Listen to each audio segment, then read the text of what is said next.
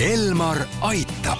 Elmar aitab saate toob teieni pereoptika, kogu pere prillipood tere, head kuulajad, eetris on Elmar Aitab ja me räägime täna keskealiste ja vanemate nägemisest ja sellel on kindlasti oluline tähelepanu pöörata, oluline on oma silmade tervist kontrollimas käia ja miks mitte ei võiks nägemiskontroll ning hea nägemine olla ka praktiliseks jõulukingiks lähedasele või iseendale.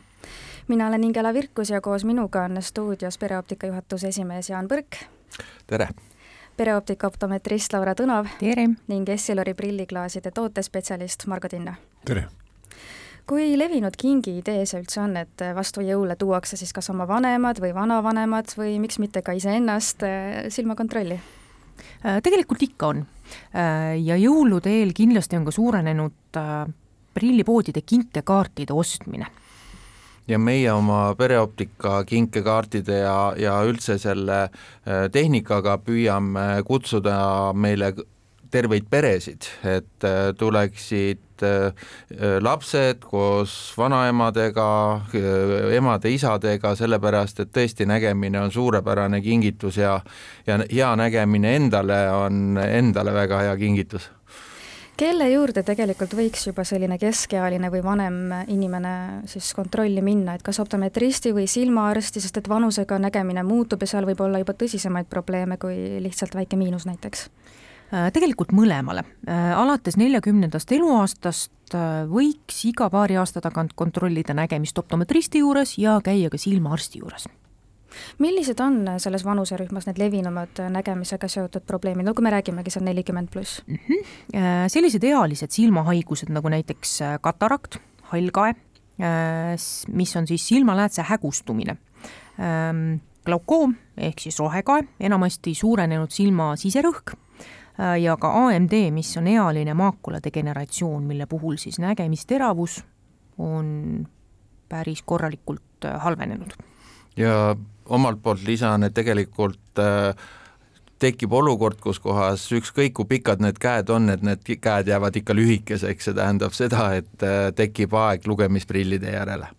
Mis veel sellest märku võivad anda, et äh, nägemisega võib olla probleeme, sest ma arvan, et tihtipeale sealt neljakümnendates eluaastates inimesed, et kui tekibki see tunne, et nüüd ma ei näe, et siis ma lükkangi seda telefoni näiteks või raamatut nii kaugele, kui vähegi võimalik, aga ma ei taha tunnistada, et midagi on valesti no siis tuleb käiagi optometristi juures, kes ütleb selle olukorra väga täpselt ära ja, ja mida varem sellele protsessile äh, nii-öelda kaasa aitame, see tähendab seda, et me teeme selle vaatamise sama mugavaks, kui ta on kogu aeg olnud, äh, seda vähem me väsitame oma silma ja tekitame talle rohkem, vähem probleeme.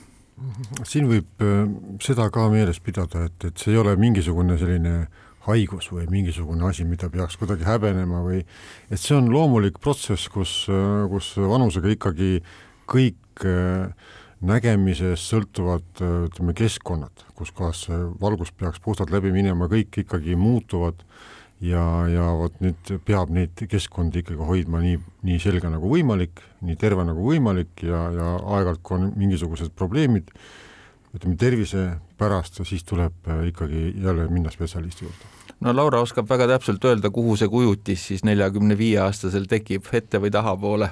oleneb sellest, äh, kui pikk on silmamuna ja kui tugevalt see silm äh, valgust murrab. igal juhul kahjuks ta ei äh,, ei tule see täpselt sellesse punkti, kuhu vaja oleks.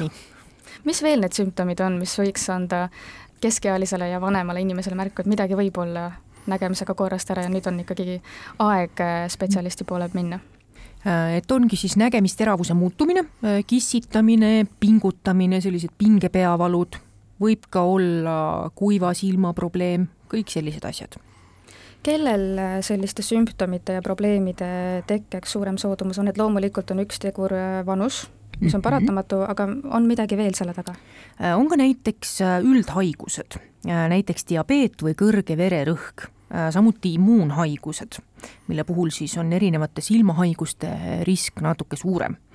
Äh, samuti näiteks suitsetajad ja kindlasti need inimesed, kellel on väga suur miinus, üle miinus kuue dioptri, äh, siis ka neil on näiteks suurem tõenäosus glaukoomi tekkeks. Ehk siis kindlasti tuleks seda silmapõhja perioodiliselt kontrollida ka siinkohal me täna küll lõpetame, aga jätkame juba homme kell kaksteist nelikümmend viis. Elmar aitab. Elmar aitab saate toob teieni pereoptika, kogu pere prillipood